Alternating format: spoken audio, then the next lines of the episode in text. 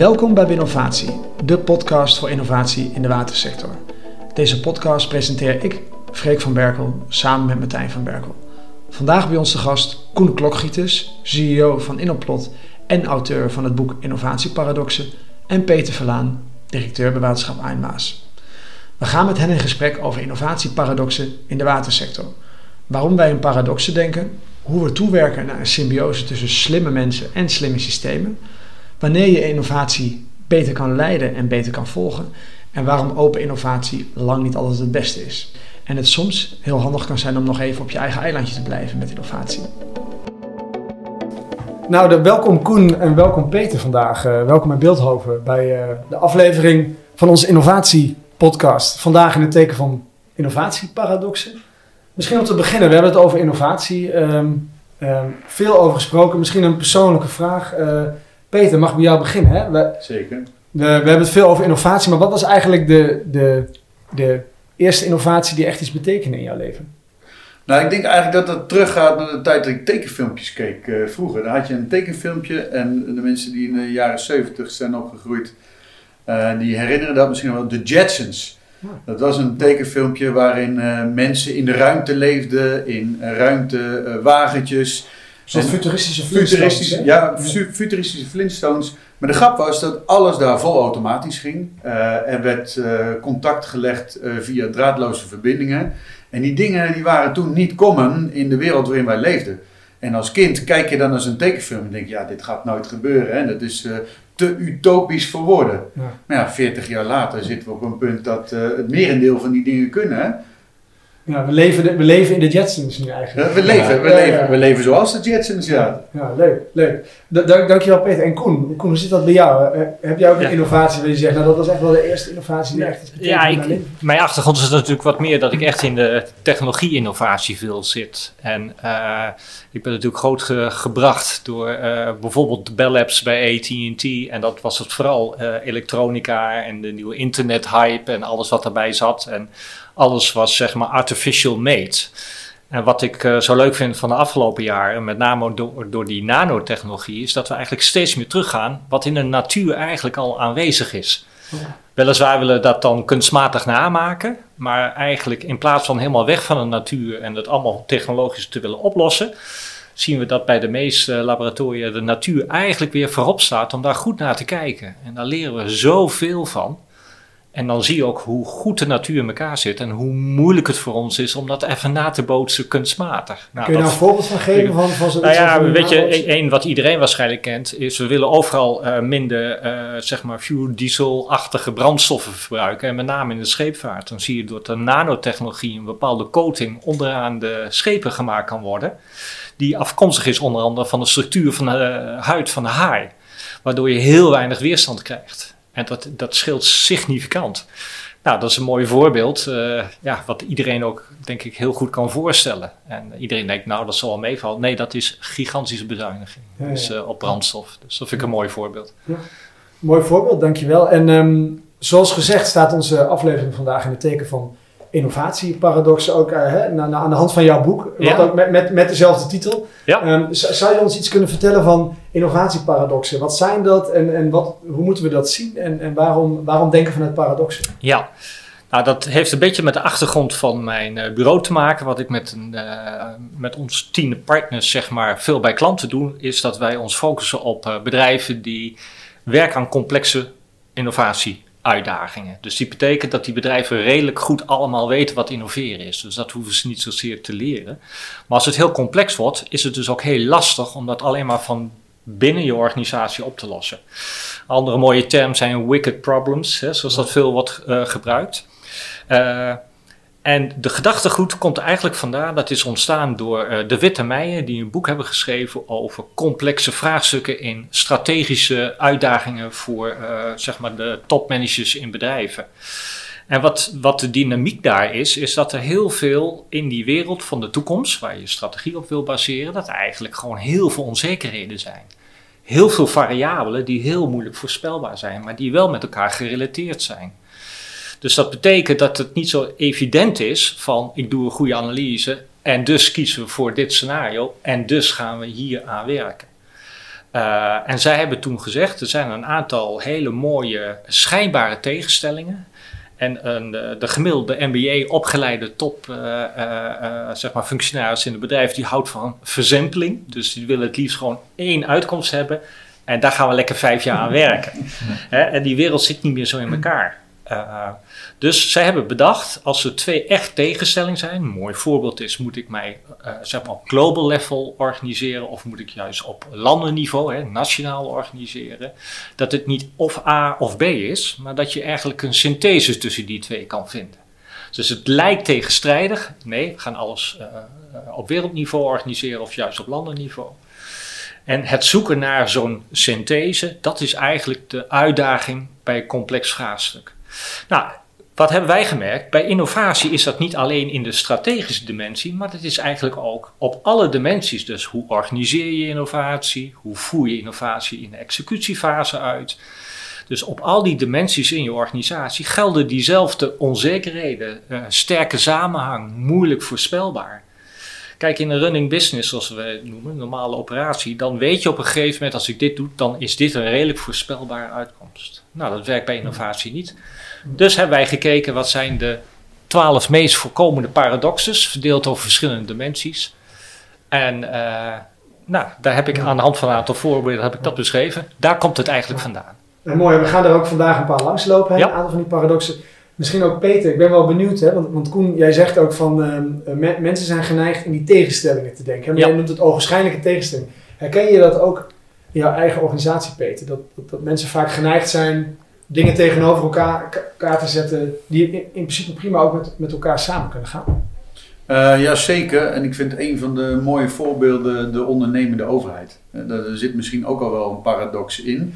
Uh, en dat is precies het thema waar wij als waterschappen nu ontzettend tegenaan lopen. ik hou het dan ook graag bij onze business, hè, want dat maakt het als voorbeeld ook heel eenvoudig. binnen de waterschappen zijn we heel druk bezig om onze bijdrage te leveren aan het verduurzamen en circulairder maken van onze maatschappij. En wij zien dat wij middelen in handen hebben, maar ook grondstoffen onder beheer hebben, waar we een verantwoordelijkheid bij voelen om die terug te winnen, opnieuw in te zetten, besparingen te leveren. En wij lopen voortdurend aan tegen het feit dat we een ondernemende houding hebben daarbij, dat we die verantwoordelijkheid voelen, maar dat we tegelijkertijd ook geremd worden om uiteindelijk dat te exploreren wij mogen een aantal dingen niet die ondernemers wel mogen. Wij hebben een bestuurlijke uh, verantwoordelijkheid waarin toch al snel over kerntaken uh, wordt gesproken. Uh, en wij zijn in wetgeving als het gaat over fiscaliteiten of einde afvalstoffenstatus of simpele samenwerking met de markt gebonden aan andere type regels dan die markt die heel erg veel moeite heeft om dat gat in te vullen. Dus ja, dat is een voorbeeld uh, waar we ja, op de dag van vandaag nog steeds mee worstelen. Ja, precies. Dus spanning tussen aan de ene kant je publieke taken, je kerntaken, aan de andere kant ook dat, de, dat ondernemerschap dat je nodig hebt eigenlijk om ook aan die taak dan weer invulling te geven. Ja, maar, maar dat en dan is het zo dat binnen de waterschapssector de luiken eigenlijk best ver open gaan in de bereidheid, ook bestuurlijk, mhm. om daarin stappen voorwaarts te zetten. Maar dat het systeem wat daar omheen zit, van wetgeving, hè, en dat is zowel Europese wetgeving, mhm. nationale wetgeving, uh, ons daarin toch best wel belemmert. Terwijl als je kijkt naar waar de grondslag van veel innovaties vandaan komen, uh, Mariana Mazzucato heeft er natuurlijk ook uh, flink over geschreven, dat dat toch voor het merendeel een grondslag kent die bij de overheid start. Ja. ja. Nou, misschien als je, als je dat in een paradox zou formuleren, kijk je naar twee uitersten. Hè? Dus, en als je dit soort hoort, zou ik zeggen van, nou, de ene kant is de vrije markt, de ondernemerschap, hè, dat je ruimte krijgt om alles te doen. En de andere is sterke regulering, dus sterke sturing, wat je wel en niet mag doen. En uh, in de paradox-theorie, eigenlijk waar we dan over mhm. nadenken, is hoe zou je vanuit beide visies, hè, beide perspectieven, uh, een soort combinatie kunnen maken. Dus, en dat is eigenlijk, dat, zie ik jullie dus ook doen. Je probeert eigenlijk een soort uh, optimum te vinden tussen die twee. En uh, wat het grote verschil is met de paradox of zeg maar even het polderen. Het polderen levert een con, concessie op van beide partijen. Dus eigenlijk twee partijen die eigenlijk niet helemaal tevreden zijn. En het idee van een paradox is dat je een synthese vindt waar beide partijen mee tevreden is. Dus dat, dat gaat op een andere manier. Ja, het, is ook niet voor niets een schijnbare Ja, tegenstelling. exact. Dat, dat, Ja. dat vind ik het interessante. Eh, en hij is ook heel schijnbaar. Hè? Want Ja. als je kijkt naar de bedoeling die bijvoorbeeld achter dit initiatief eh, ligt, dan is iedereen het over eens Ja. dat die bedoeling hè, als grote macht bovenaan staat. Ja. Alleen ja, het vereist wel dus eh, lef, in dit geval dan ook eh, vanuit de waterschappen, en soms een lange adem en lange polstok, om vanuit die bedoeling dan toch ja, die, die, die schijnbare tegenstelling op te heffen. Ja, maar wat wij proberen aan te geven is, naast het feit dat je lef moet hebben, gaat het ook eh, dat je op een bepaald niveau met elkaar in discussie gaat van wat je eigenlijk bedoelt met bijvoorbeeld ondernemerschap of regulering van de overheid. En wat wij meemaken is dat mensen een vast omlijnd beeld hebben van wat ondernemerschap is. Als wij ambtenaren vragen wat is ondernemerschap, dan hebben zij andere assumpties daarbij dan een ondernemer. En wat er bijna niet gebeurt, is dat je op dat niveau met elkaar de basisassumpties, op basis waarvan je perspectief is eh, gebaseerd, dat je dat uitwisselt. En dat is een beetje het geheim van het smid. Dus als je op dat niveau, wat bedoel je er nou echt mee en wat hoort daar wel of niet bij? Als je dat met elkaar kunt bespreken, dan heb je de helft van de wedstrijd al gewonnen. Ja, dus het gaat om, het, om mensen ook bewust van te laten zijn dat de, hoe zij naar de wereld kijken, de assumpties die ze hebben over de werkelijkheid, dat dat hun perspectief is en dat er ook andere perspectieven dan mogelijk zijn. Ja. Dus het oprekken daarvan eigenlijk. Ja, en het is, er is een hele mooie documentaire nu op eh, Netflix. Dat is eh The Social Dilemma. En die Social Dilemma, die geeft iets bijzonders aan. Waar wij zien waar de, ook de nadelen van het techbedrijf en de technologie is. Is daar waar je vroeger redelijk open met elkaar kon discussiëren over wat zijn die aannames. Zie je dat deze techbedrijven jou precies voorschotelt wat past bij jouw aanname. Dus je wordt alleen maar versterkt in jouw aanname. Ja, ja. En wij zeggen, dat maakt het nog moeilijk om bij elkaar te komen. Ja. Ja. Daar krijg je die radicalisering van. En dat zien we in het bedrijfsleven eigenlijk ook. Hm. En eh, dat, dat, dat willen wij eigenlijk doorbreken, anders kun je nooit een wicked problem oplossen. Dat Amerika lukt het dus ook niet om dat wicked problem op die manier op te lossen. Nee. Ja, interessant. Eh, zo, zo komen we een beetje achter ook van hè, wat is dat paradoxdenken. Misschien ook wel hebben we een aantal paradoxen ook die we vandaag met jullie ook willen bespreken uit jouw boek. Ja. Eh, misschien om te beginnen, eh, ehm, een paradox dat ons erg aansprak was slimme mensen versus slimme systemen. Ja. En we hebben ook al met Mar Marco Derksen gesproken over digitale transformatie. En daar ging het er ook heel erg over van wat is nou de drijver hè, van al die ontwikkeling. Is dat nou die technologie, zijn het nou de systemen of zijn het nou die mensen? En daar, daar we ook al dat dat ook al gauw tegenover elkaar komt Ja. te staan. Dus ik ben benieuwd hoe jij daar vanuit jouw perspectief naar kijkt. Nou ja, kijk, ik ben zelf natuurlijk een, een, een mooi voorbeeld van hoe ik vanuit één perspectief, zeg ik altijd, opgevoed ben. Vanuit die technologiekant. Dus ik denk ook dat heel veel met slimme systemen is op te lossen. Gelukkig na ruim 35 jaar ervaring merk ik dat eh, de mensen die van overtuigd zijn dat alles begint bij slimme mensen ook een heel duidelijk punt hebben. En ook hier geldt de schijnbare tegenstelling weer. Wij weten dat alle grote industriële en andere revoluties die plaatsgevonden hebben, dat vaak de technologie wel de mogelijkheid biedt om een echte grote quantum leap, een grote stap te maken in veranderingen. Maar waar komen die nieuwe technologische inzichten dan vandaan? Hè? Dat is een beetje het kip-ei verhaal. Zijn dat nou de slimme mensen? Nou, een mooi voorbeeld is waarin je ziet hoe dat eh, soms kan verhuizen van het een naar het ander, is de automotive industrie. Vroeger waren dat de assembly lines, denk maar aan meneer Ford. Hè, die zei van eh, ik ga het werk helemaal opdelen en een lopende band. En daarmee kan ik eh, heel snel elke keer dezelfde auto maken. En die hele automatische assembly line, die is eigenlijk in de automotive, in de, zeg maar, eh, de voorgaande eeuw, is dat helemaal uitontwikkeld tot en met volledige robotisering. Hè, dus daar kwamen eigenlijk verschillende types van de band en helemaal door robots in elkaar gezet. Wat zien we nu? Er komt een nieuwe technologie, augmented reality. En nou vinden deze automotive fabrikanten uit dat het dus goedkoper is, omdat je agile bent, dat je dus semi-robot assembly lines hebt en mensen die met augmented reality en ondersteunende tools weer onderdeel worden van diezelfde assembly line. Dus de slimme mensen, in het systeem eigenlijk. Ja, wa- waardoor je dus eigenlijk weer een, een beweging terugziet. En dat heeft gewoon een bedrijfseconomische waarde, omdat ze daar veel flexibeler mee zijn. Mhm. Maar die mensen zijn niet alleen de mensen, die worden ondersteund door die systemen van augmented reality. En, en als we kijken hè, naar, naar, de, naar de watersector, in het bijzonder AMA's, eh, jouw waterschap, Peter, hoe, hoe zit dat in, in jullie waterschap? En ook, uh, en ook binnen de sector, hè? want jij, jij, jij, kent ook veel partijen en, en mensen in de sector van uh, mens versus systeem.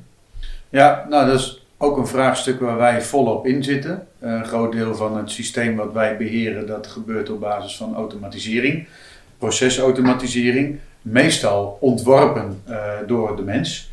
Ja. dus ook alle protocollen die erachter zaten, de sturingsinregelingen, allemaal ontworpen door de mens.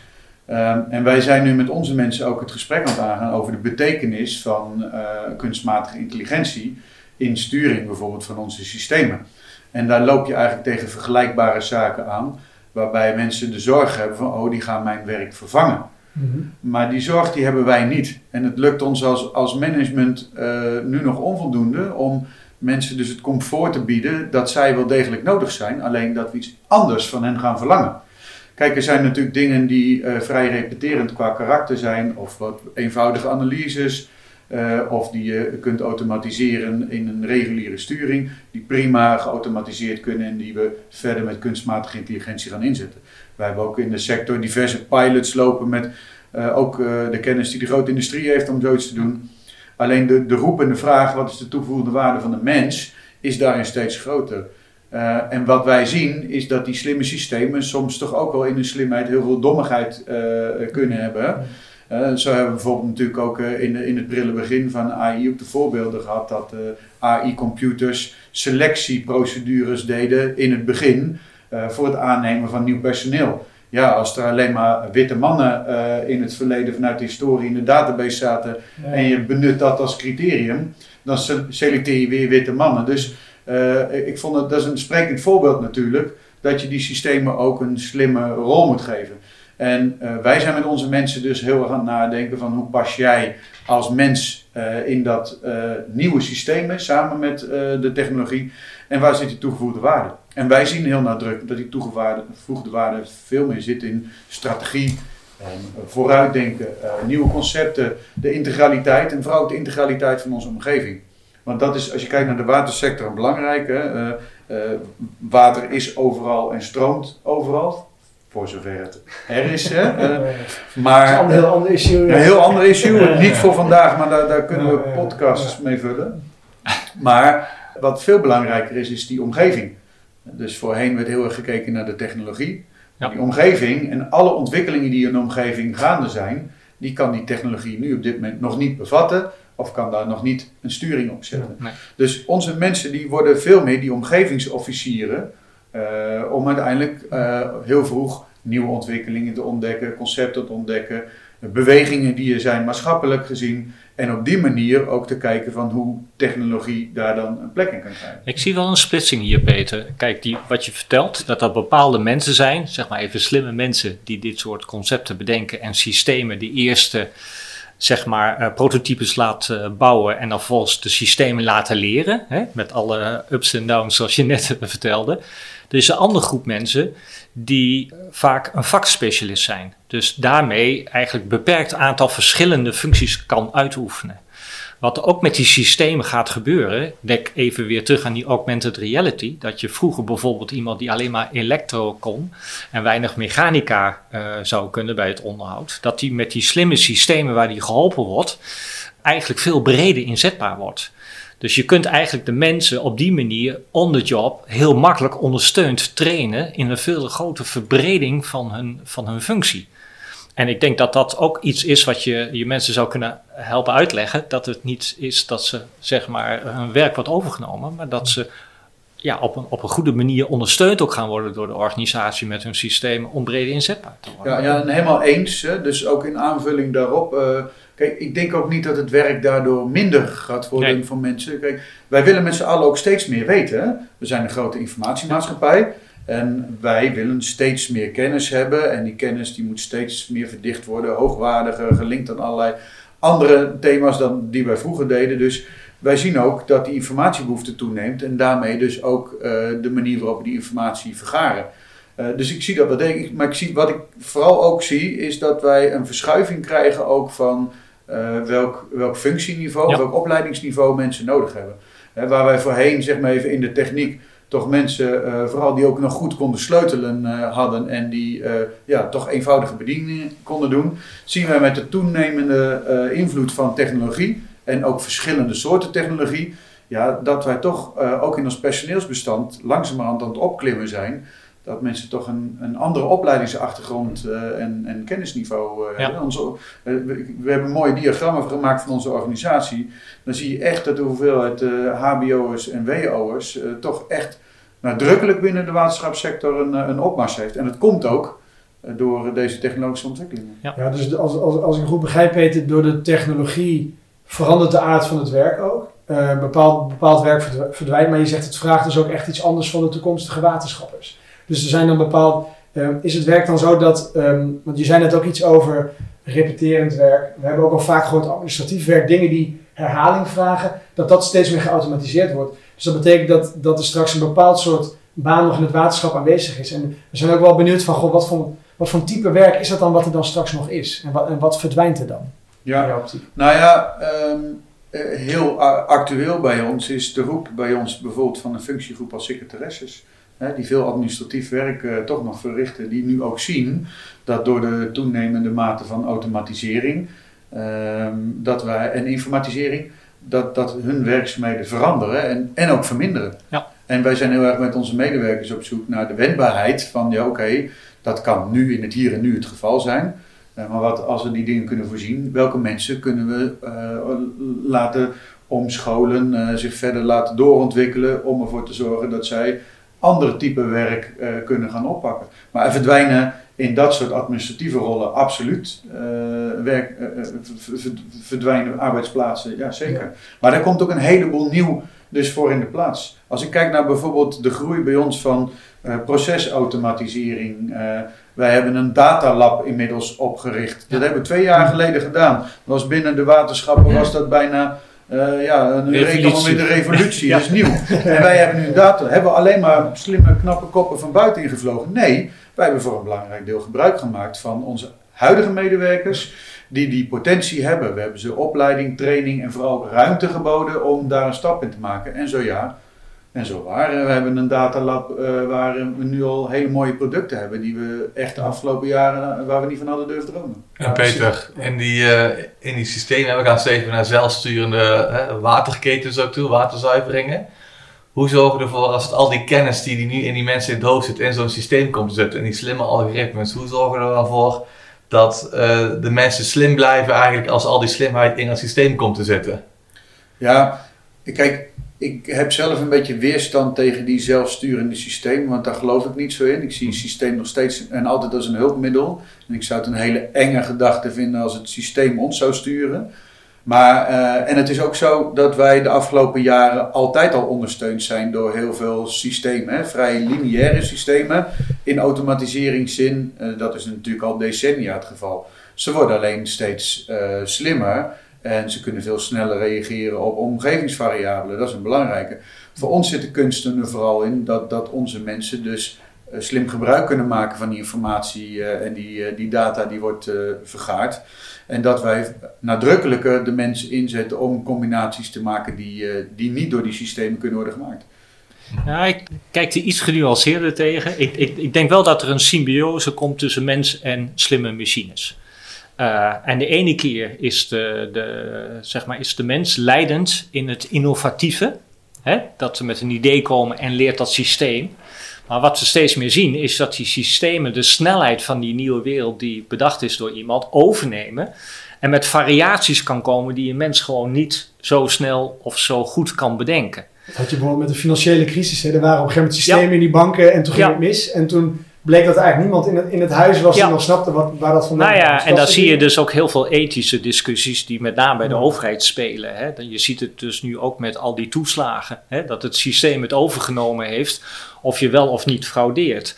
Maar dit zien we ook in de techniek terug, want het systeem doet via slimme sensoren, die zegt van, goh, ik zie dit en dit en dit. Dit onderdeel moet je nou preventief vervangen, wat wij als mens niet hadden bedacht.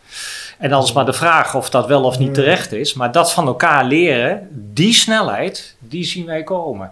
En dat betekent dat dat niet alleen de slimme HBO- en WO-koppen zijn, maar de mensen die in de, gewoon in de uitvoering zitten, kunnen met deze systemen ook veel sneller leren en verbreden. Dus ik, ik zie een enorme toekomst in die, in die samenwerking. En dat vinden wij dan een synthese in de paradox. Ja, maar, maar als, als ik dan nog door mag gaan, wordt de potentie van technologie niet alleen maar benut zolang, dat is een stelling misschien wel, zolang Ja. mensen er op een goede manier mee om kunnen gaan. Is dat... Nou, dat, dat is een mooie gedachte. Ik denk dat er al zoveel systemen zijn waar de mensen niet eens meer snappen wat de systemen gaan doen. En dat we helaas er pas achterkomen als het niet goed is, als het al gebeurd is. Eh, maar goed, de historie ligt plat met dit soort voorbeelden. En voor- vooral in oorlogstijden. Kijk, ik heb bij AT&T gewerkt en de grootste innovaties kwamen bijvoorbeeld na de, de oorlog in Irak. Want daar werden dingen uitgetest die later weer gebruikt werden in de civiele industrie. En dan kom je dus op heel veel ethische vraagstukken. Eh, en ik denk dat dat ook het nieuwe vak wordt, ook binnen waterschappen. Dat daar iemand gaat komen of een team gaat komen die over dit soort dingen gaat nadenken. Is dit wel wat we willen? Even een mooi voorbeeld hiervan. Ik denk als je goede analyses doet van de kwaliteit van water op bepaalde geografische plekken en je weet wie daar woont, dan weet je heel veel over de bewoners. Wat ga jij met die data doen? Dus ik kan al voorspellen als daar een bepaalde verhoging van een bepaalde stof in het water zit, dan kun je een beetje voorspellen waar die mensen mee bezig zijn. Is Ja. dat wat je wil of is dat niet wat je wil? Nou, ik vind dat een hele mooie brug ook, als ik zo vrij mag zijn. Want kijk, dat is eh, precies ook eh, eh, waar wij nu naar op zoek zijn.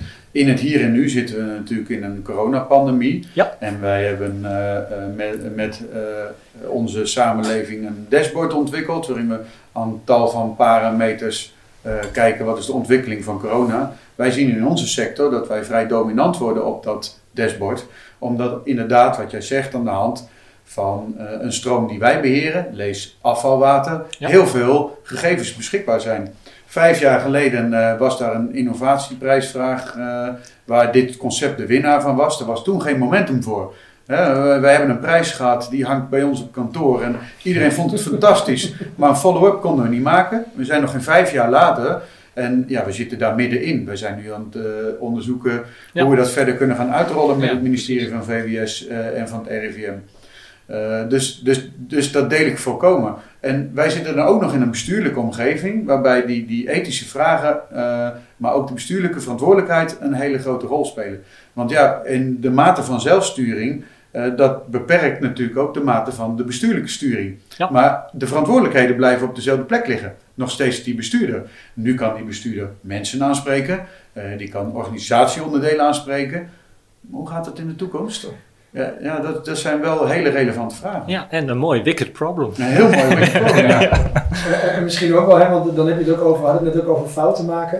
Er zijn ook allerlei onderzoeken van psychologen dat wij ehm, van systemen minder bereid zijn fouten te accepteren dan Ja. van mensen. Bijvoorbeeld als je het hebt over die zelfrijdende auto's, hè, dat als daar een keer iets fout mee gaat, dan zit iedereen op de kast. Terwijl de hele dag in het verkeer, nou ja, we weten het allemaal, hoe vaak je tegen een paaltje aanrijdt, nog erger, zeg maar.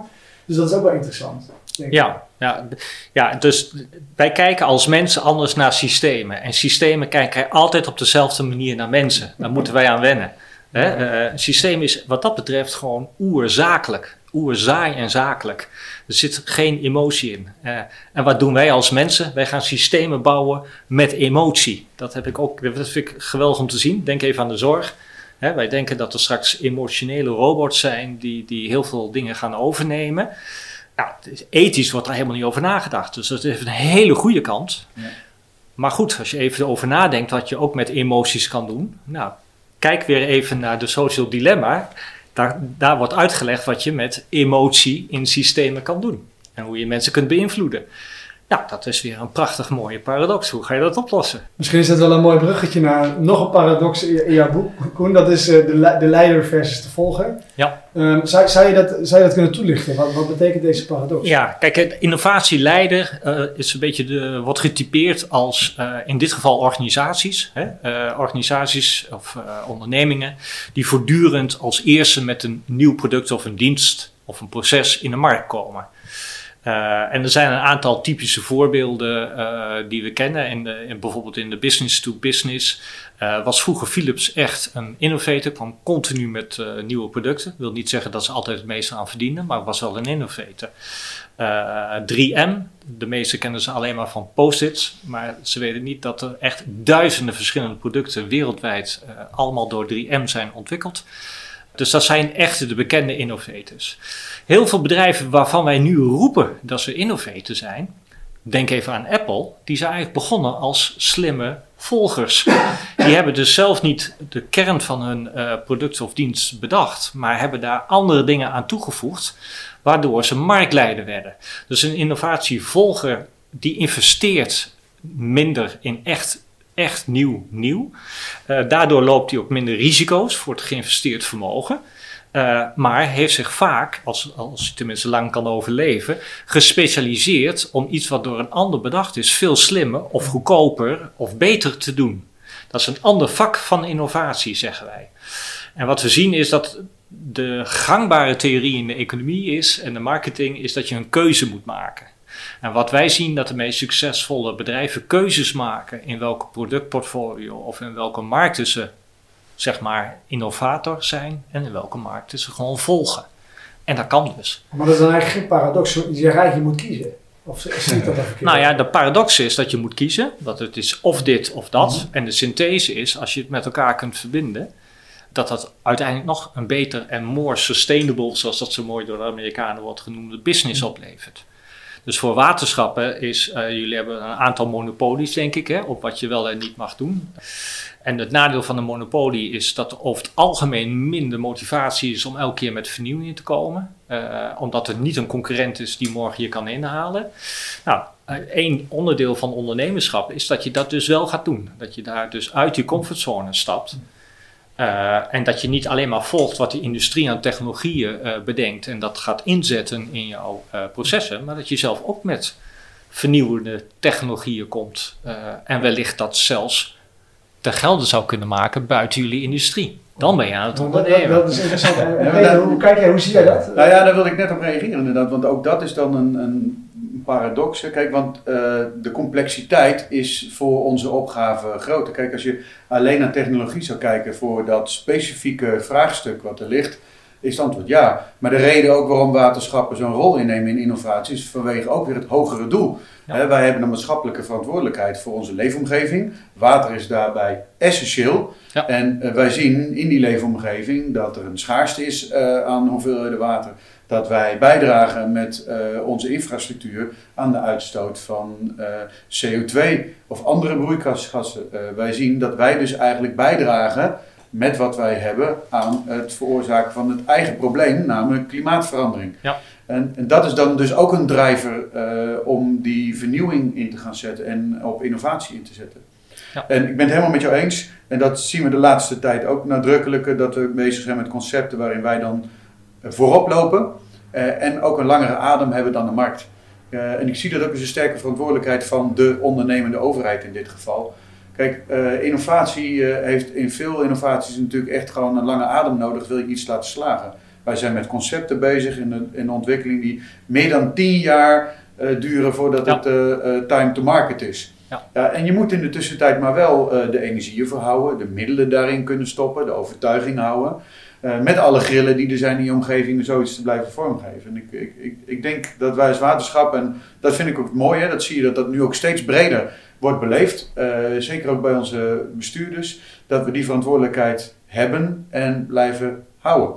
De kunst is wel eh, dat je ook slim blijft kiezen in waar je op inzet. En dat vind ik ook in deze technologische mogelijkheden die er zijn. en die zijn er te over. Hè? Bijna wekelijks wordt je gevraagd om te participeren in nieuwe initiatieven. Om daarin een, een, een slimme keuze te maken van waar ga je nou wel op inzetten en waar ga je nou niet op inzetten. Ja, dat is wel echt een strategisch vraagstuk, eh, hè. Peter. Dus dan moet je heel erg terug naar je missie en je visie van je bedrijf. Waar sta je voor?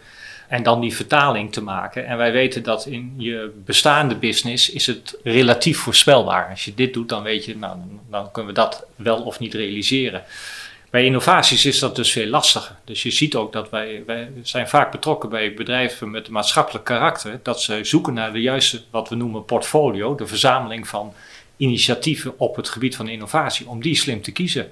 Waarbij je weet dat de kans dat ze allemaal eh, zeg maar gerealiseerd worden natuurlijk heel laag is. Hè? Dus eh, de scoringspercentage is gewoon lager dan bij de andere. En als je dan eh, bekijkt naar de waterschappen in Nederland en die vergelijkt met andere landen, zijn wij dan wereldwijd gezien nog steeds een soort innovatieleider?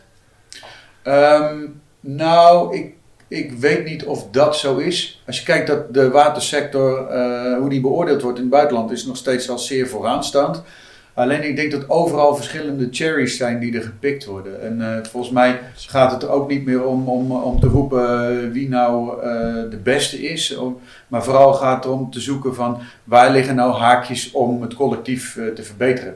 Wij zijn met een aantal initiatieven bezig die vrij innovatief of, of, zelfs experimenteel zijn. Waarbij we de zoektocht hebben gehad. Zijn er in de wereld nou vergelijkbare initiatieven? Ja, je kunt heel beperkt daar naar kijken, maar wij zagen aanpalend dat die initiatieven er waren, maar, maar, maar zeer beperkt. Nou, als dat zo is, is de eerste, uh, kunnen we iets leren van de ander. Kunnen we daarin samenwerken. Uh, wat wel zo is, is dat als je kijkt naar de, naar de domeinen waar het waterschap, of waar de waterschap in Nederland mee geconfronteerd worden, dan, dan denk ik wel dat hier gewoon heel nadrukkelijk in Nederland de pijn wordt ervaren. Droogte, wateroverlast, wij zijn het afvoerputje natuurlijk van Europa. Hm. Uh, dus over waterkwaliteitsvraagstukken zijn we altijd degene die, hm. die uh, zeg maar even aan, de, aan het einde van de pijp uh, zitten. En als we dan met onszelf realiseren dat er miljoenen mensen in het Westen afhankelijk zijn van hun drinkwater uit oppervlaktewater, waarin ja. al die andere landen een rol bij hebben gehad. Zeker. Maar zijn wij daarin dan het beste? Nee, maar wij ervaren misschien die pijn ook wel het hardst. Mooi. Misschien ook. Um, um, de volgende paradox. En, en die hebben we ook uitgekozen, want dat vonden we wel grappig. Eh, Martijn en ik doen veel sessies voor innovatoren in de watersector. Dus mensen die zich bezighouden met innovaties. En dan zie je in die handtekening onder de e-mail staat heel vaak innovatiecoördinator.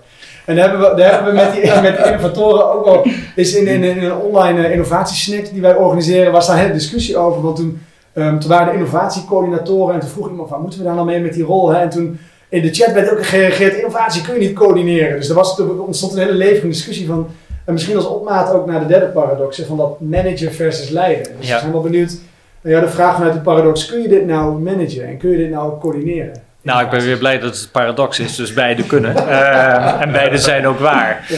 Maar er zit wel iets uh, fundamenteels in. Uh, en dat heeft met, ook met, met een stuk met het mensbeeld te maken. Hè. Het, is een, het is niet alleen voor innovatie, dit geldt natuurlijk ook voor je gewone operationele bestaande processen. Ga je van het mensbeeld uit dat mensen sturing nodig hebben om goed te kunnen performen? Of hebben mensen support nodig? Uh, op allerlei mogelijke manieren en kun je ze ondersteunen om tot uh, zeg maar maximale uh, vermogen en performance te komen. En je ziet dat bij mensen die met innovatie bezig zijn die dat ook leuk vinden en dat ook opzoeken, een natuurlijke vijand tegen sturing hebben. Want het uitgangspunt is vaak van ja, als je stuurt, gaat er vanuit dat je snapt waar we mee bezig zijn. En dat kan helemaal niet, want het bestaat nog niet. Dus hoezo ga je mee sturen? Nou. Dat is natuurlijk maar gedeeltelijk zo. En zeker in een commercieel bedrijf, maar in elk bedrijf waar ook economische wetten uh, gelden, moet je dus keuzes maken. Hoe lang blijf je investeren in allerlei nieuwe dingen? Dus management heeft iets te maken met planbaarheid, heeft iets te maken met een verwachting die je reëel kunt hebben en dat je ook probeert jouw meetinstrumentarium en je dashboard zo neer te zetten om te kijken of dat ook gebeurt. Nou, de hele andere kant is innovatie van, ja, ik ben lekker crea-bea bezig en dat is leuk en sexy. Uh, na 35 jaar ben ik erachter dat dat slechts 5% het werk is van iemand die innoveert. En 90, 95% is bloed, zweet en tranen, die ook bij de gewone operatie geldt. Het is gewoon heel hard werken, het sabbelen. En het is nog frustrerend omdat heel veel dingen gewoon anders gebeuren dan je dacht. Dus eigenlijk zal iemand die een innovator is meer het vermogen van zelfsturing en zelfmanagement moeten hebben, waarbij die zoveel mogelijk geholpen zou kunnen worden.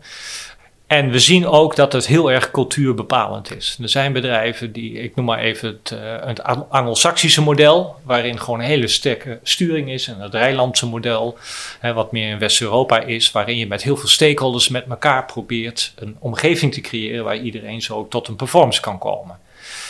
En wij zien dat een goede combinatie van af en toe toch wel even sturen uh, nodig is. Denk alleen al, ik heb tien initiatieven in mijn portfolio. En ik neem nu als manager de, het besluit om deze twee te stoppen. Een innovator, die doet dat niet zo gauw. Er zijn weinigen die dat doen. Kill your darling session. Exact. Ja, maar de, de, dat, dus daar is sturing voor nodig, zeg maar. En vaak ook nog externe sturing. dat is eigenlijk het grote verschil. Er zijn dus mensen die zeggen, ja, je kunt niet zonder sturing. En anderen zeggen, uh, sturing doodt iedere innovatie. Dat zijn even de twee uitersten. Ja, ik ben heel blij met wat je zegt, want ik herken het ook helemaal. En uh, die paradox, die ervaren we natuurlijk ook in het dagdagelijkse leven. Ja. En uh, ook in een bestuurlijke organisatie zoals wij zijn, heb je ook nog een aantal componenten erbij die weer van invloed zijn. Hè? Uh, namelijk een innovatie die succesvol is, die kent vele vaders. Hè? Ja, gelukkig. Uh, gelukkig wel. En die hebben wij ook nodig dan weer om ja. verder te brengen. Maar innovaties die dat niet zijn, en dat zijn er sommige inderdaad ook uh, genoeg, daar moet voldoende steun en ruimte voor zijn om ervoor te zorgen dat mensen daarop niet worden afgerekend. Of, op het, of dat daar toch bijsturing plaatsvindt op momenten waarop het nog ongewenst ja. is. En, en dat vind ik in, en daar hadden wij het natuurlijk van tevoren ook over. Wij hebben uh, grote moeite soms om uh, innovatie ook gewoon, wat wij dan noemen, onder de waterlijn te houden. He, dus misschien wel dat het aan de bovenkant nog niet zichtbaar is. Want je moet mensen wel een klimaat in een organisatie geven waarin ze de ruimte hebben om die pioniersrol ook te gaan vervullen. Bij ons heten ze ook geen in innovatiecoördinatoren, maar heten het inderdaad innovatoren. En dat is niet alleen vanwege de naam, maar dat, die, die zitten uh, niet op targets. Dus, dus wij hebben ja. innovatoren die non-target bij ons in de organisatie uh, hun rol vervullen. Zijn ze niet aanspreekbaar? Worden ze niet aangesproken? Hebben we niet met elkaar uh, strategiemomenten van wat is nou precies de oogst van dat alles en waar zouden we moeten bijsturen? Wel degelijk. Het betekent zeker niet duizend bloemen bloeien, loslaten en ga je goddelijke gang. Maar het betekent wel lang zorgen dat die innovatie ook uh, ruimte krijgt en uh, smeermiddel kan zijn om dingen toch te bewegen. En soms, en dat is, vind ik ook wel mooi, ik vind onze innovatoren onderkennen dat ook, die hebben de hiërarchie of daarmee de sturing en besluitvorming soms ook nodig. Dus die ja. zeggen ook heel nadrukkelijk van, ik wil nu gedekt worden in wat ik doe. sta je achter mij of wat vind je van dit initiatief of de voortgang ervan in de context van wat er verder in de boze buitenwereld of in de omgeving gebeurt? En dan hebben ze die sturing. Uh, of dat management dat nodig. Ja. ja. Nou ja, kijk, hier zie je weer hoe belangrijk het is dat je eigenlijk terug moet gaan naar wat zijn jouw basisaannames, wat jij sturing vindt. Hè, en wat je zeg maar uh, faciliterend vindt, om het zo maar te zeggen. En, en daar zie je grote verschillen. Hè. Ik, ik ben in ieder geval van de leeftijd dat klassiek iedere topfunctionaris uh, MBA uh, werd opgeleid. En dat is per definitie sturend. Er zullen een hoop luisteraars daar misschien al een beeld bij hebben. Maar uh, een, een MBA gaat heel erg van de, de, de planmatigheid van business. En, en die, die gaat daar ook een soort forecast op maken. En verwachtingen proberen zo expliciet mogelijk te maken. En daar zie je het punt. Iemand die zeg maar echt op het innovatie zit, die wil eigenlijk een omgeving waarin een reëel beeld is wat een reële verwachting is. En die moet ook snappen dat dat niet oneindig is. Hè? Dus een reële verwachting van hoe lang jij je gang mag gaan als innovator. Als je daar niet over hebt en waar daar de aannames in zijn wat reëel is en niet, dan krijg je alleen maar wel eens niet eens discussie en dan kom je er dus niet uit. Dus wij we hebben vaak dat we rond de tafel zitten met het management. Zijn vaak de innovation boards, hè, zoals ze zo mooi heten. Dan komen de projectleiders met knikkende knieën om weer uit te leggen waarom ze het weer net niet gehaald hebben, maar toch wel verder willen. En daar gaat bijna nooit de discussie over wat is nou reëel? Wat is nou een reële verwachting? Hè, en die Kijk, het, het, ergste wat je kan overkomen is dat je met nieuw huiswerk uh, terug wordt gestuurd uh, voordat je verder mag. Nou, dat is de meest killing uh, manier van sturen voor een innovator. Ja, maar het gaat dus ook om de sensitiviteit die mensen die als innovator een rol vervullen. Van hoe zorg ik ervoor dat ik, ondanks dat ik vrijheid nodig heb, ook voldoende ben aangesloten ja. op de organisaties met wie ik samenwerk of de organisatie wie ik ten dienste ben. Ja. En, uh, en ook leer te waarderen uh, dat die, die hiërarchie of die, wat dan uh, het begrip van sturing dan ook in mogen houden, dat het behulpzaam kan zijn exact. in het maken van keuzes. Het kan zijn in kill your darlings, het kan zijn in de rug recht houden en een extra steun. Het kan zijn in het laten ontstaan of het verder creëren van een veilige omgeving om nog even te kunnen door-innoveren terwijl de druk van buiten groter is. Dus uh, zolang die sensitiviteit er maar is, dan, dan kan het tot een succes worden. Ja. En dus moet je uitleggen wat je met management bedoelt. Ja, hè? ja. ja. ja. net al de term rugdekking, dat vond ik wel interessant. Dus dat is ook dat mensen een soort veiligheid zoeken. Dus ik ben, ik ben met een bepaalde innovatie bezig. En ze hebben eigenlijk in een, in een hiërarchische organisatie of van bovenaf toch een soort fiat nodig van ga je mee door. Is dat, is dat wat je bedoelt ook met rugdekking, wat je, wat je net zei? Of? Ja, zeker. Want kijk, iedereen heeft het erover dat dan innovatoren hartstikke autonoom zijn. En dat zijn dan de vrije vogels en dat soort dingen. Maar in werkelijkheid is dat niet zo. Hè? Mensen, de meeste mensen zijn toch ook onderdeel van de kudde. En die kijken ook heel erg goed wat er gebeurt in die kudde. En zijn daar gevoelig voor. Ook, ook de innovatoren. Ja, anders moet je ondernemer worden. Precies. Ja. Ja, en, en zeker ook in de, in de, in de context van eh, innovator binnen een waterschap. Waarin je ook nog eens een bestuurlijke omgeving hebt.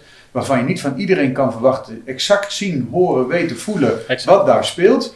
Eh, dan ben je op zijn minst, hè, eh, als je dat onderdeel van het management ziet, eh, de oren en de ogen van die omgeving. Om te zien wat, wat daarmee dan de context bepaalt over waarbinnen een innovatie een plek kan krijgen. Dus het is heel erg helpen. En dat, dat vind ik zelf ook het fijne in, in ons team. Hè. Ik legde voor deze uitzending ook uit dat innovatie binnen AMA's rechtstreeks onder de directie zit. Dus mensen vallen dus ook rechtstreeks in een functionele rol onder de directie. Juist ook om die ruimte te kunnen bieden, die nabijheid. Maar af en toe ook te zeggen van oké, eh, of we stoppen of we gaan door. En ik dek je daarbij en ik organiseer met jou die ruimte. En Peter, hoe gaat het dan precies met bestuurders? Want eh, innoveren is ook risico's nemen. Je kunt niet meteen altijd zeggen van dit is de business case die erachter zit. Eh, sommige innovaties mislukken ook. Hoe gaan bestuurders daarmee om? Ja, dat is natuurlijk heel erg wisselend. Toevallig uh, afgelopen week had ik ook een gesprek met een van de bestuurders.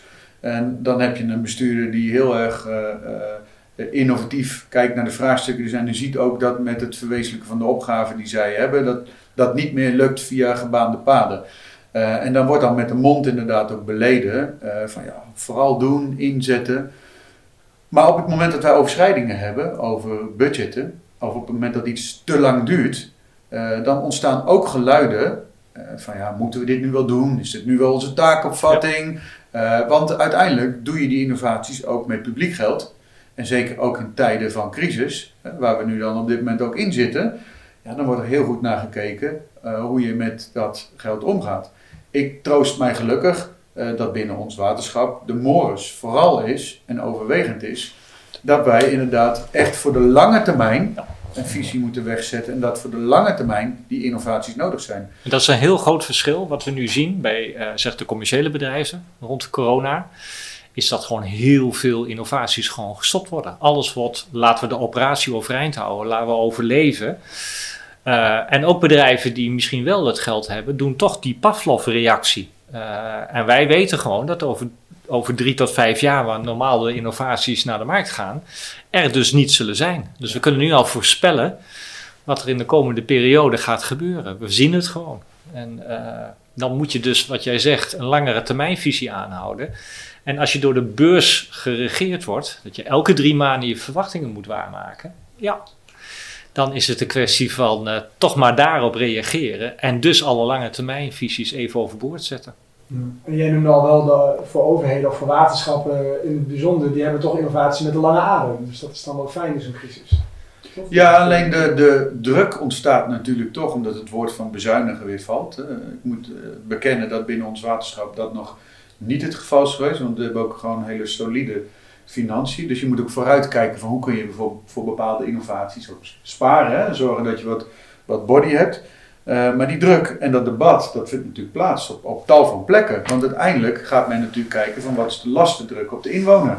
Hè, en daar, daar is de schakel van een waterschap uh, met waterschapbelastingen een onderdeel van. Maar de optelsom met alle andere belastingen, die is, die is groter. Dus wij hebben daar, wij hebben daar een, uh, wel, wel degelijk een rol in. Alleen het mooie is dat al die burgers en bedrijven en treinbeheer en organisaties die, die het waterschap vertegenwoordigen dat die echt bezig zijn met die lange termijn uh, blik. Omdat die opgaven ook van klimaatverandering onmiskenbaar zijn. En dat we daarop moeten inzetten. En, en het mooie ervan ook is, is van de afgelopen periode is...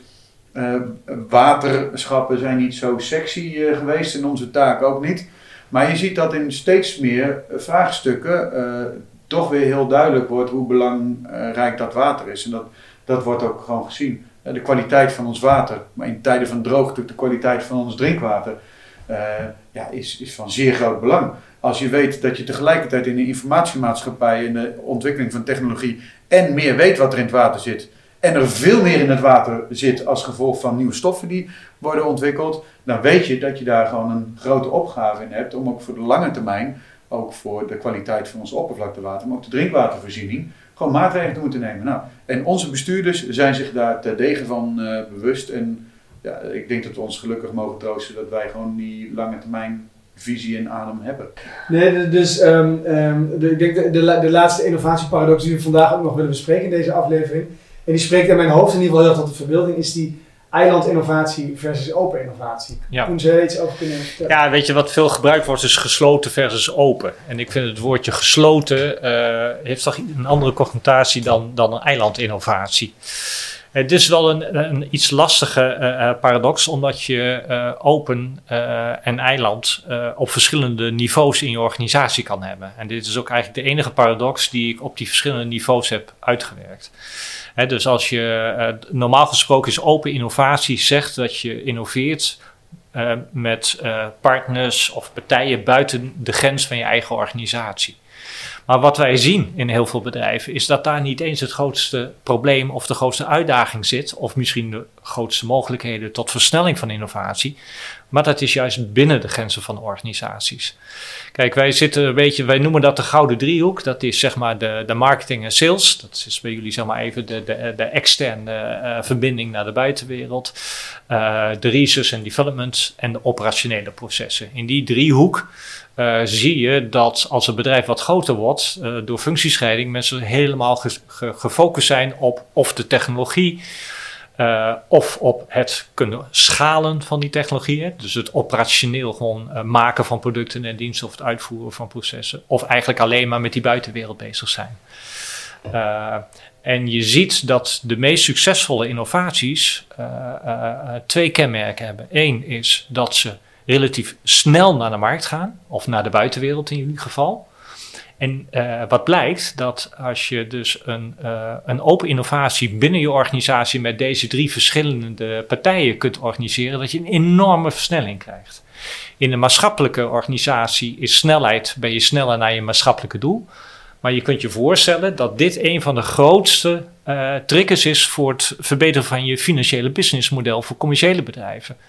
We hebben zo vaak uitgerekend als je een jaar eerder succesvol naar de markt kan, hoeveel geld dat scheelt. Niet alleen een jaar langer minder investeren, maar een jaar eerder al inkomsten krijgen. En de enige manier om die versnelling echt substantieel te krijgen is dat je iets inricht om die open innovatie binnen je bedrijf te krijgen. Dus we hebben dat ook gezegd. Soms moet je dat niet willen, want soms moet je mensen even in hun functie even lekker laten kouwen op de problematiek. Dus niet te snel al met elkaar gaan verbinden. Maar je moet dat goed organiseren, dat er een goede timing de partijen bij elkaar komen. En dat heeft een enorm positief effect. Nou, dit is relatief, zeggen wij altijd, makkelijker te organiseren dan met partijen buiten je organisatie. Wat blijkt, eigenlijk het tegendeel. Ik zie bij grote bedrijven dat ze zeggen: Ja, ik ga toch niet met mijn eigen marketing en sales nu samenwerken. Joh, dan ben ik gewoon een jaar verder. Ik ga dat wel met een externe, zeg maar, commerciële partij doen. Een distributeur, die zet dit zo voor mij in de markt. Dus dan krijg je hele rare situaties dat je dus versnelling kan krijgen met een externe club. Is dat goed? Is dat slecht? Nou, dat is natuurlijk al even uh, afhankelijk van de specifieke situatie. Uh, is altijd open innovatie het beste? Nee. Uh, we zien heel veel voordelen. Dat je, wat je, jij gaf dat ook al aan, uh, dat je af en toe even onder, de, de, onder het water blijft. En dat heeft alles te maken met timing. Want op het moment als jij nog niet goed kunt formuleren of niet goed doordacht hebt waar kansen voor innovatie zitten, en je laat andere partijen meepraten, dat je heel snel in een soort Poolse landdag komt. Uh, en dat vertraagt weer. Dus snap je de paradox? En dat heeft veel met timing te maken. Ja, ik denk bij ons, uh, er zit een verschil hè, bij ons als maatschappelijke organisatie. Wij hebben uh, geen R&D-afdeling of wat dan ook. Hè. Dus uh, ja. de hardcore kennis en de hardcore ruimte die er is voor innovatieve ontwikkelingen, die is beperkt. dus wij zijn juist heel afhankelijk daarin ook van ja. de markt. En misschien zijn wij wel meer een soort van system integrator van kennis dan Precies. dat wij uh, die grote kennisontwikkelaar zijn. Um, en ik denk dat dat ook helemaal past in de tijdgeest waarin wij leven, waarin we ook als watersector, uh, water als, als leidend ruimtelijk uh, principe, eh, en eh, waarin de hele omgeving betrokken is en die laat zich niet kenmerken door een grens van een gemeente of van een provincie of wat dan ook. Ehm, ik denk dat dat heel sterk verweven is met de rol die we hebben op dit moment in de maatschappij. Wij hebben die afhankelijkheid van anderen. En eh, ik denk dat vooral bij ons ook de, de, de kracht moet zijn in het samensmeden, in bundelen. Met waar we het eerder over hadden, die, die langere adem. Intern zit bij ons misschien wel een deel van de paradox, eh, omdat wij zo gewend zijn om te doen wat we doen. Hè? Ja. Eh, en jij gaf ook al eerder in, in, in, dit gesprek ook al aan van ja, uh, het kost dus ook tijd hè, voordat mensen inderdaad uh, op het punt komen dat ze die uh, slag kunnen maken. En systemen en technologie gaat soms veel harder dan de tijd die we ja, zelf nodig hebben Als om mensen, zover te ja. komen. Dus daar zie ik hem wel, maar ik, ik zie, zie, vooral dat, dat, wij vanuit de waterschapssector echt die noodzaak hebben om die samenwerking met die anderen aan te gaan. Want daar zit een groot Ja, deel van de kennis. Nou, wat we zien is, wij, wij zijn ook bij partijen eh, betrokken die, dat heet tegenwoordig incubators neerzetten, omdat het vaak te complex is en te veel de bestaande processen verstoort. Dus ga je dat pad zetten. En dan zoeken ze externe partijen om samen dingen te ontwikkelen. En wat wij zien is, zeker in, bij commerciële partijen, ik weet niet hoe dat bij uh, wat meer maatschappelijke organisaties is, is dat ze heel snel de neiging hebben om bijvoorbeeld gelijk een soort vehikel, zoals een joint venture, hè, dat je 50, 50% aandelen hebt. Dus die zijn zo druk bezig om dat allemaal dicht te timmeren met juristen, met, met allerlei partijen. En dan is er eigenlijk nog niet, niet anders dan een eerste idee. En dan zie je dus dat je een enorme vertraging krijgt. Want misschien is een joint venture wel de meest slechte manier waarop je deze innovatie verder gaat ontwikkelen. Dus je ziet dat soms een eilandinnovatie voordat je naar een partij gaat heel goed is. En dat je nadenkt wat je van die andere partij wil. En dat het soms gewoon heel sterk is om die regie even in je eigen eiland te houden voordat je naar buiten treedt. Ja, want anders ben je het, afhankelijkheden, afhankelijkheid maakt ook, werkt ook vertragend. Hè? Het werkt vertragend en het is ook onduidelijk, want als jij onvoldoende in staat bent om de scherpte te brengen als je met de partij gaat praten, die, die gaat dat dan invullen volgens hun eigen agenda. Dus uh, wij geloven ook niet zozeer in de gelijkwaardige partnerships bij innovatie. Na 35 jaar kom ik daarvan terug. AT&T zelf met Philips, begon als een joint venture. Duurde niet lang of AT&T was gewoon de baas. En volgens mij was dat altijd al uh, van het begin af aan de opzet. En ik geloof daar ook in. in een, bij innovaties helpt het dat je een leidende partij hebt. En je kunt pas leidend worden als je daar op je eiland goed over na hebt gedacht. En ik weet dat heel veel Chief Innovation Officers, zoals ze mooi heten. Term. Uh, ja, die, die, erg, die worden dan erg boos als ik dit zeg, omdat die helemaal de, de, de, hè, de Chessbro Open Innovatie hebben gedaan. Maar die hebben dat zo ver doorgeslagen. Dat, dat ze soms gewoon net niet uh, ja, business savvy genoeg zijn om te weten of je dat wel moet doen. En ik weet niet of dat bij waterschap, of dat ook dat soort dingen gelden. Nou ja, ik, ik, ik zit te smullen van herkenning, want ik ben dat met jou eens. En, en ik heb meteen een voorbeeld in me waar ik hier breed uit zou willen vertellen. Maar ja, dat is lastig als je in een innovatie zit waarin je met elkaar ook afspraken hebt gemaakt. Ja. Dus dat kan ik hier niet. Maar er is een initiatief bij ons ook wat al jaren loopt, waarin we uh, met partnerschap inderdaad heel gelijkwaardig zijn gestart. Maar het lastige punt is, we houden elkaar dus ook allemaal tegen omdat we te Ja. klein zijn. En uh, we zitten nu op het punt dat wij echt een doorbraak nodig hebben. En we weten al een paar jaar dat we een uh, hele andere partij nodig hebben om die doorbraak te brengen. Uh, die veel meer power heeft, die veel meer kennis heeft, waar een financiële machine achter zit en die dus de mogelijkheid heeft om iets uit te rollen. En wij houden onszelf nu gevangen. Uh, in, laat ik maar even mijn woordkeuze, dan toch wat Mickey Mouse-achtige samenwerking. Hmm. Het, het, concept van de samenwerking kan revolutionair zijn in de manier waarop wij uh, in een van onze takken van sport omgaan. Maar we houden onszelf na zeven jaar ploeteren uh, toch redelijk gevangen. En uh, nou krijg je dus een heel interessant fenomeen dat wij eigenlijk op het punt staan de handdoek in de ring te gooien. Het werkt niet meer. In één keer we hebben jaren gezocht naar zo'n partij en dat lukte niet. Er springt er een hele grote internationale partij op en die zegt: uh, Nou, wij zijn super geïnteresseerd. En je ziet dat er in één keer nieuw leven ontstaat. Maar die partij die stelt wel als eis dat het partnership gaat veranderen. Dus terecht. ongelijkwaardig. Ja. En dan komen wij met hetzelfde dilemma. Ja, potverdorie. Wij zijn toch degene die dit hebben bedacht en uitgevonden. En nou wordt niet de eerste plant neergezet in Nederland. Maar die willen men op een andere plek in Europa uh, neergezet hebben. Maar wij hebben toch die voorinvesteringen gedaan.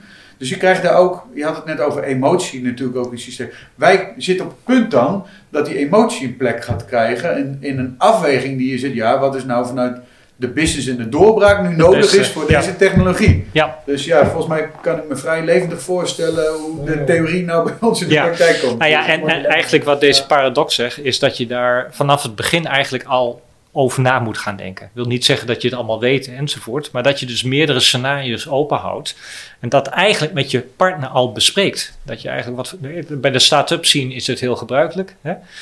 Dus dat komt, eh, die kent verschillende fases om groter te worden. Dat is zo'n innovatieproject ook. En eh, de grootste frustratie is, dan komt een grote partij wat je zegt en die zegt ik koop gewoon Ja. eh, deze toko. En zo noemen ze het ook nog. En Ja. dan schiet iedereen in de luien van hoe kan dat nou? En, en terwijl dat wel het beste is. Ja, Dat is één. Maar twee, en daar heb ik het ook dan weer toch weer over die ondernemende overheid die in de wielen wordt gereden.